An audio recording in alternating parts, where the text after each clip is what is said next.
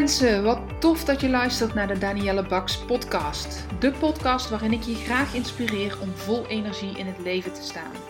Wat kun je doen om meer werkgeluk te ervaren? Hoe kom je erachter welk werk nu echt bij je past? En op welke manier verover jij dan jouw droombaan? Luister vooral verder als jij meer wil weten. Ik heb er zin in, dus laten we gauw beginnen.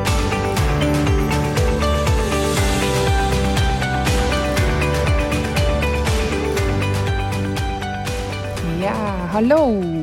Woensdagmiddag. De middelste dochter ligt in het zwembad en dat betekent dat ik een podcast opneem. Lekker in het zonnetje vandaag, 27 april, of 28 april, sorry. Gisteren was het Koningsdag en vandaag is het heerlijk weer. Dus ik uh, ben nog even lekker in het zonnetje buiten gaan zitten. Dat hoor je misschien ook wel af en toe. En waar wil ik het vandaag met je over hebben? Dat is over hoe vind je ander werk? Heel veel mensen, wanneer ze bedenken: ik zit niet meer op mijn plek of ik vind het niet meer fijn, ik mis uitdaging, ik ben gegroeid en ik wil doorgroeien. Um, of er speelt iets anders. Hè. Nu tijdens uh, de maatregelen van corona kan het zijn dat je erachter komt dat je um, contact met collega's mist. Of dat je het mist om met mensen echt bezig te kunnen zijn. Ja, die coronaregels die leggen een soort van vergrootglas op je, op je werk. Op de positieve dingen en op de negatieve dingen. Dus misschien vind je het wel heel fijn dat je nu eindelijk thuis kan werken. En tegelijkertijd mis je ook wel collega's. Dus ja, je leert in deze periode heel veel van wat je fijn vindt in je werk en wat niet. Maar goed, als je er dan achter komt dat je uh, wel een andere baan zou willen, omdat je de uitdaging kwijt bent, omdat je uh, een volgende stap wil maken, wat de reden ook is. Misschien is je, uh, heb je collega's waar je, waar je gewoon niet lekker mee samenwerkt, ehm, een leidinggevende waar je het niet goed mee kan vinden. Ehm, ja, je wil iets anders proberen. Het, het, kan, het kan allerlei redenen hebben. En wat doe je dan? Wat ga je doen als je besluit: ik ben niet blij in mijn werk, of ik ben wel blij in mijn werk, maar ik wil meer? Wat ga je dan doen? Ik durf wel te zeggen dat 95 van de 100 mensen die ik spreek, laat ik daarmee beginnen, gaan zoeken op Indeed, in een vacaturebank, online, naar vacatures. En dan ben ik benieuwd of jij dat herkent of niet. Waarschijnlijk wel, want 95% is best veel. En dat heb ik ook altijd gedaan. Ik werkte in uh, de kinderopvang en ik ging kijken, goh, waar kan ik vaste uren werken? Want ik werkte toen als invalkracht. Ik werkte uh, in de verslavingszorg, in de dag- en nachtopvang. Was daar niet meer zo blij.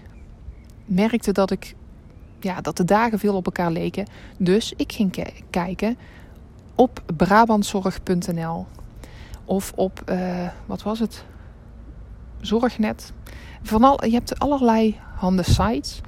En daar ging ik op zoeken en kijken, ja, wat zou ik dan wel willen? Dus zoeken naar vacatures, dat is iets wat regelmatig gedaan wordt. En natuurlijk is daar aan zich niets mis mee mits jij precies weet van welk werk jij blij wordt. En ik heb gemerkt, als ik dan op die sites aan het zoeken was, en van klanten hoor ik het uh, het afgelopen jaar enorm veel, dat ze zeggen: ja, hier staan wel bepaalde uh, vacatures, maar als ik de filters invul, dan ja, krijg, ik, uh, krijg ik soms dingen die niet passend zijn, of ik krijg namen van vacatures waarvan ik denk functienamen, waarvan ik denk, ja, wat, wat houdt dat in? En wanneer ze dan in een vacature gaan lezen, dan denken ze, ja, hmm, ja, ik weet niet precies wat het inhoudt of uh, zou dit wel iets voor mij zijn? Het is niet meer zoals vroeger. Vroeger had je een kapper, een timmerman, een slager, een uh, loodgieter en noem zo maar op. De functies, zeg 15 jaar geleden, waren veel uh, specifieker. Waren veel meer afgestemd op, op wat je op school kon leren. Toen ik van het SPW afkwam, wist ik, ik wil in de kinderopvang werken. En dan heet dat medewerker kinderopvang. Dat is later pedagogisch medewerker geworden. En nu heb je daar nog meer functies in. Maar dat was vrij duidelijk.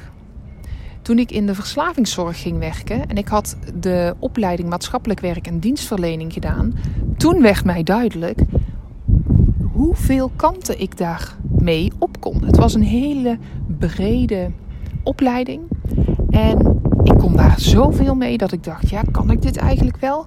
En dan scrolde ik, keek ik naar de vacature, scrolde ik meteen door naar de eisen en dan ging ik eerst naar de eisen kijken dit is de opleiding die je nodig hebt. Zoveel uur is het, want dat was voor mij dan uh, interessant. Ik wilde fulltime werken.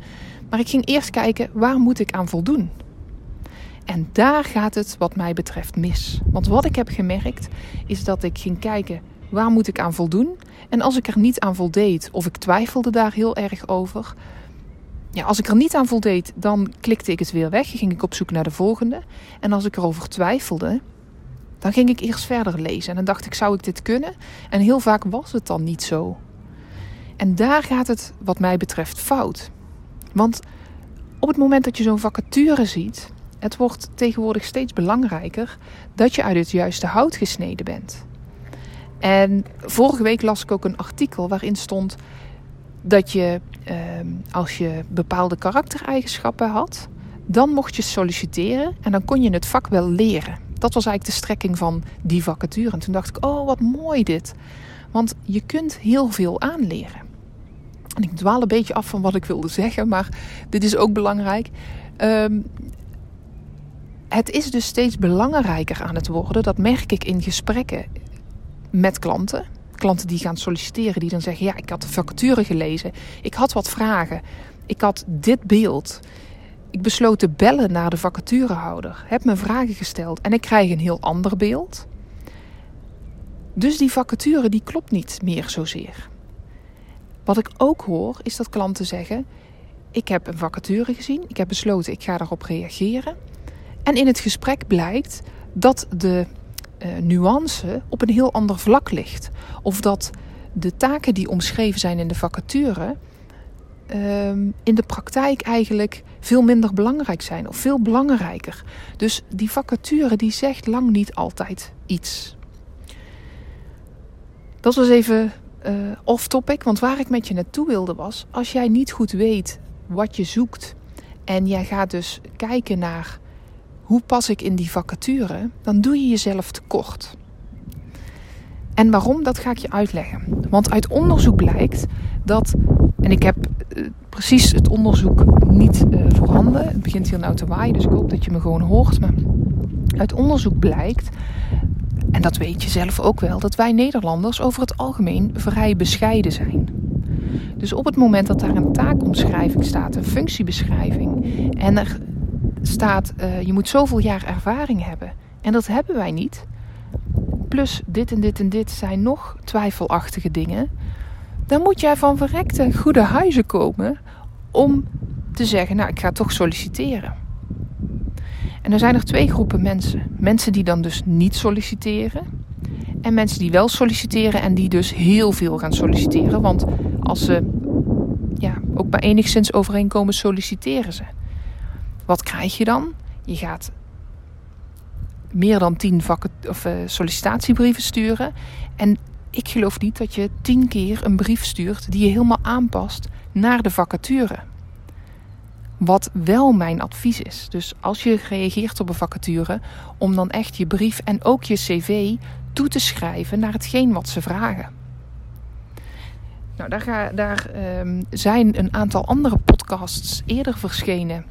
Uh, in december 2020 die over het schrijven van een cv gaan. Maar de strekking is dus dat je altijd je cv en je motivatiebrief wil aanpassen aan hetgeen wat ze zoeken. Dus je wilt dat eruit lichten wat relevant is voor de vacature waar je op solliciteert.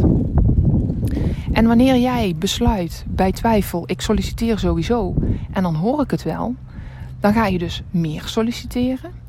Dan krijg je waarschijnlijk meer afwijzingen omdat je je cv en je brief niet, uh, niet aanpast, niet relevant maakt voor die vacature, krijg je meer afwijzingen. En dan zakt je zelfvertrouwen. Plus je doet jezelf tekort. Want je zelfvertrouwen zakt omdat je denkt, ja, ik kan het toch niet. Ik word afgewezen. Terwijl eigenlijk kun, zo, kan zowel jij als de vacaturehouder daar niet over oordelen. Jij moet namelijk in gesprek met die vacaturehouder om goed af te tasten: is deze vacature geschikt voor mij? En die vacaturehouder moet met jou in gesprek, want op papier staat niet de relevante informatie die jij eh, die iets zegt over jou. En dat is ook iets waar ik het heel vaak dus mis zie gaan. Jij praat niet helemaal de taal van de vacaturehouder en de vacaturehouder leest het niet zoals jij het bedoeld hebt. Nou, daar kun je iets aan doen. Daar kom ik dadelijk bij. Want je hebt ook nog een groep, zei ik. Je hebt een groep die gaat reageren. En je hebt een groep die denkt: oh nee, laat maar. En die wordt gefrustreerd. Die groep mensen die, die denken: nou ja, dit past onvoldoende, laat maar. Die wordt gefrustreerd omdat ze zeggen: ja, er zijn zo weinig vacatures. Als je niet met elkaar in gesprek gaat, zul je deze ervaringen vast wel herkennen. En als je de afgelopen tijd meerdere malen hebt gesolliciteerd, of de afgelopen jaren misschien wel, zul je deze dingen herkennen. Um, nou ja, de, de, de, verhaallijn neemt iets andere vormen aan. Ik begin altijd gewoon te praten met een, eh, met een thema in mijn hoofd. En ik merk dat ik, eh, dat ik op een ander spoor ben gegaan dan dat ik in het begin van plan was. Maar ik blijf gewoon uh, gezellig doorpraten. Wat kun je in deze situatie doen? Nou, ik zei het net al. Ik zou wat dat betreft altijd contact opnemen met de vacaturehouder op het moment dat jij niet duidelijk hebt wat de vacature precies inhoudt. Dus wat de functie inhoudt, uh, waar de zwaarte ligt in de, in de taken. Ehm, ze hebben vaak een hele hoop eisen. Welke eisen zijn nou echt belangrijk en welke valt wel mee? Want ik, ik hoor ook zo vaak terug dat er in een vacaturetekst staat dat dit of dit een pre is. En dat dit echt heel belangrijk is. En vervolgens wordt iemand aangenomen. En uh, die dat niet heeft en afgewezen die wel die stukken heeft.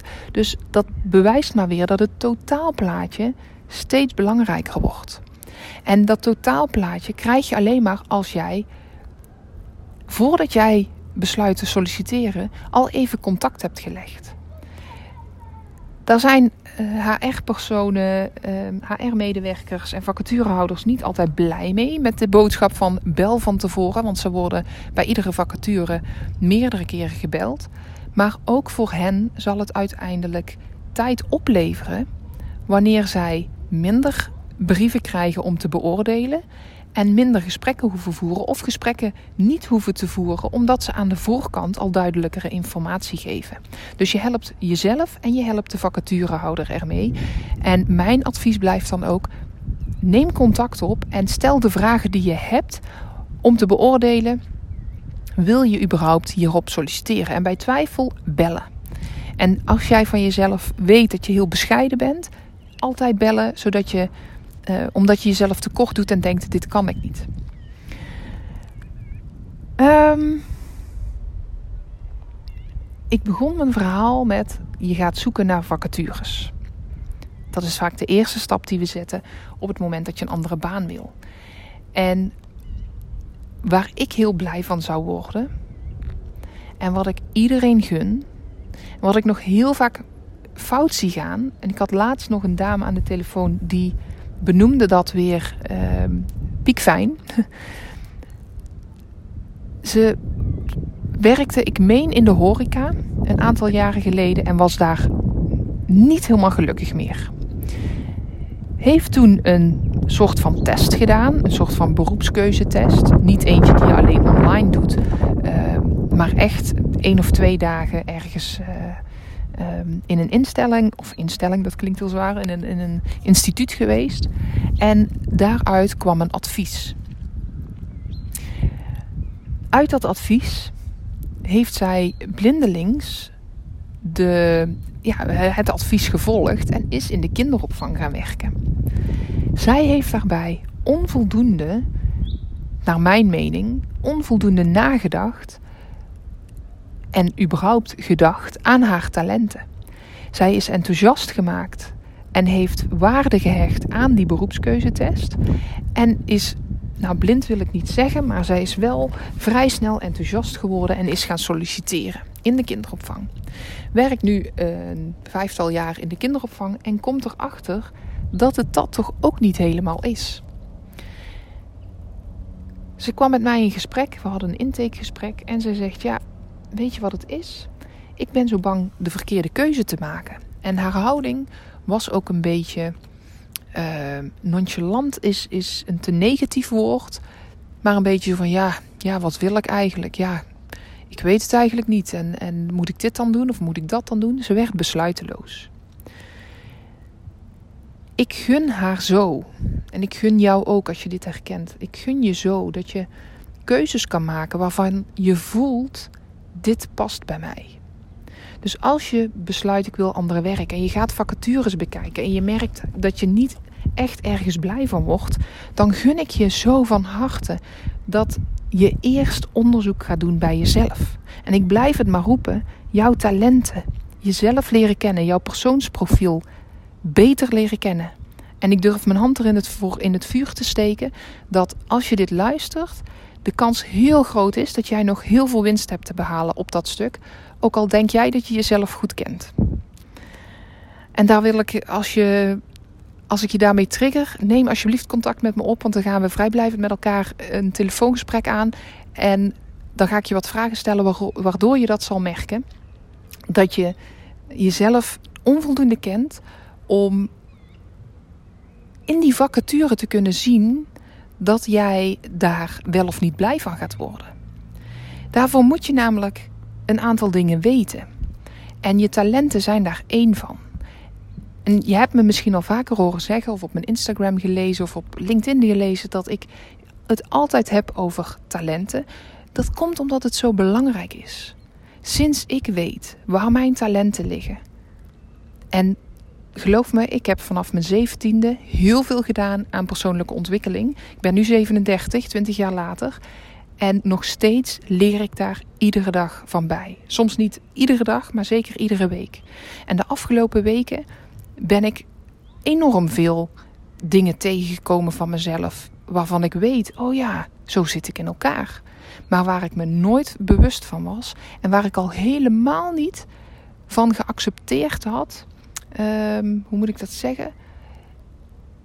Ja, het voelde altijd al wel zo, maar ik was me er nooit in die zin bewust van dat ik daarin ehm, aan mezelf toe kon geven of tegen mezelf kon zeggen van zo zit je nu eenmaal in elkaar en dat is prima.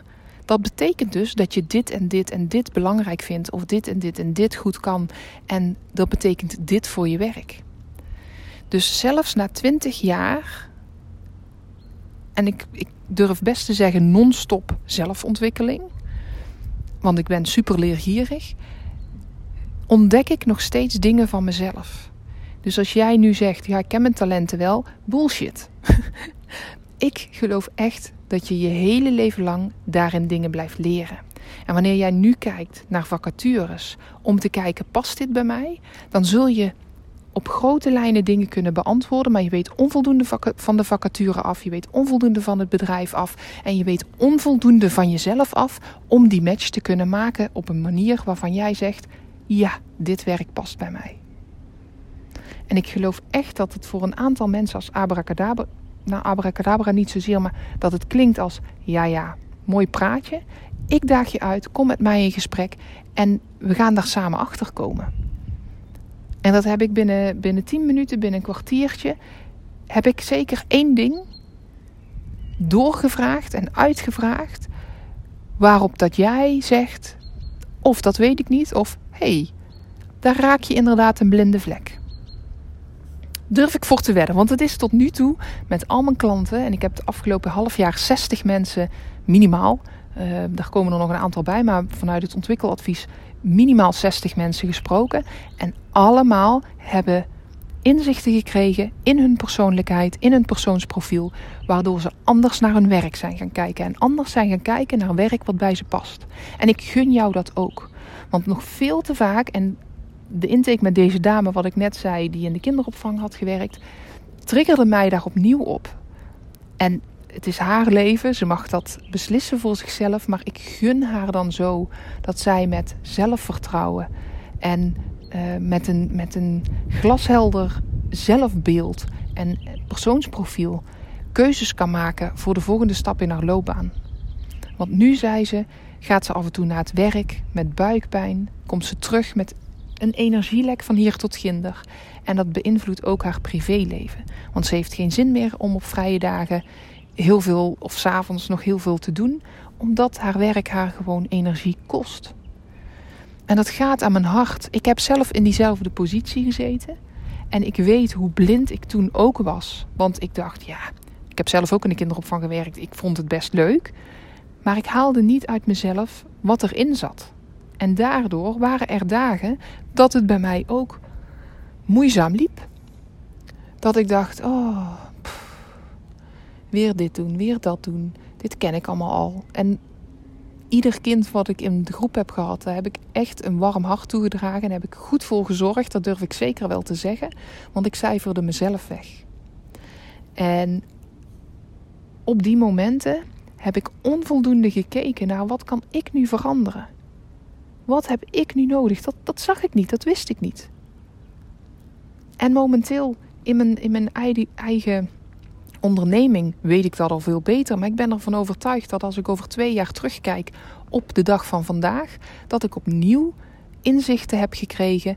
Waardoor ik het nu vandaag al anders had kunnen doen. En dat is niet erg. Het is geen goed of fout. Zeker niet. Maar ik wil je zo graag het inzicht geven en je uitnodigen om met me in gesprek te komen. Vrijblijvend. Het kost je niks als alleen tijd. Om te checken, om te toetsen. Wat heb jij nog te ontdekken bij jezelf? Wat heb jij nog te herkennen en te erkennen bij jezelf qua talenten, qua waarden, waardoor dat jij leuker werk kan vinden, werk wat beter bij je past, waar je meer voldoening uithaalt, waar je meer energie van krijgt, want dat ben je waard. Het is zonde dat je werk doet waar, ja, wat gewoon niet een, een, een 100% match is. En ik zeg niet dat je meteen binnen twee weken stappen kan zetten naar wel die baan. Want zoals ik al zeg, ik zet iedere keer weer opnieuw die stappen. Maar er, als je nu merkt, ik zit niet helemaal goed in mijn vel op mijn werk, alsjeblieft, pak de telefoon, stuur een mailtje, bel me, app me, ga naar mijn website en zoek contact met me. Want ik wil heel graag met jou een kennismakingsgesprek, zodat ik kan horen in welke situatie dat je zit, zodat ik kan checken, kan ik jou helpen of niet. En vervolgens zal ik je Ehm, de ervaring geven dat er ook bij jou op jouw persoonsprofiel, dus op, op hoe jij in elkaar zit, nog dingen te ontdekken zijn waarvan jij nu geen weet hebt. Nou, ik ga nog even een wandelingetje maken. Ik hoop dat je me aan mijn, uh, aan mijn uh, aanbod dat je dat aan wil nemen. Mijn website is daniellebaks.nl en Baks is met een X. Um, mijn e-mailadres is info.daniellebaks.nl. Mijn telefoonnummer kun je op mijn website vinden. Alsjeblieft. Herken je je in dit verhaal? Zoek contact en ik kijk graag met je mee. Kijk, er komen twee jongens aangefietst. De hele tijd is het rustig geweest. Maar uh, ja, de uitnodiging staat. Ken je iemand waar dit verhaal voor herkenbaar zal zijn? Omdat je weet hoe dat hij of zij in zijn werk zit. Wijs hem of haar dan alsjeblieft op deze podcast. Alleen dan kan ik mensen bereiken en kan ik dat verschil maken voor mensen. En ja, maken we, maken we met z'n allen het werkgeluk in Nederland een stukje hoger. Voor nu wens ik je een hele fijne dag en tot de volgende podcast. Doei doei!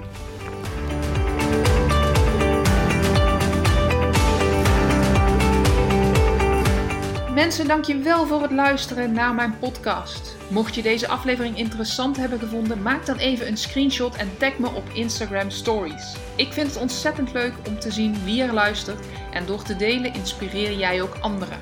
Hartstikke bedankt alvast en tot de volgende keer.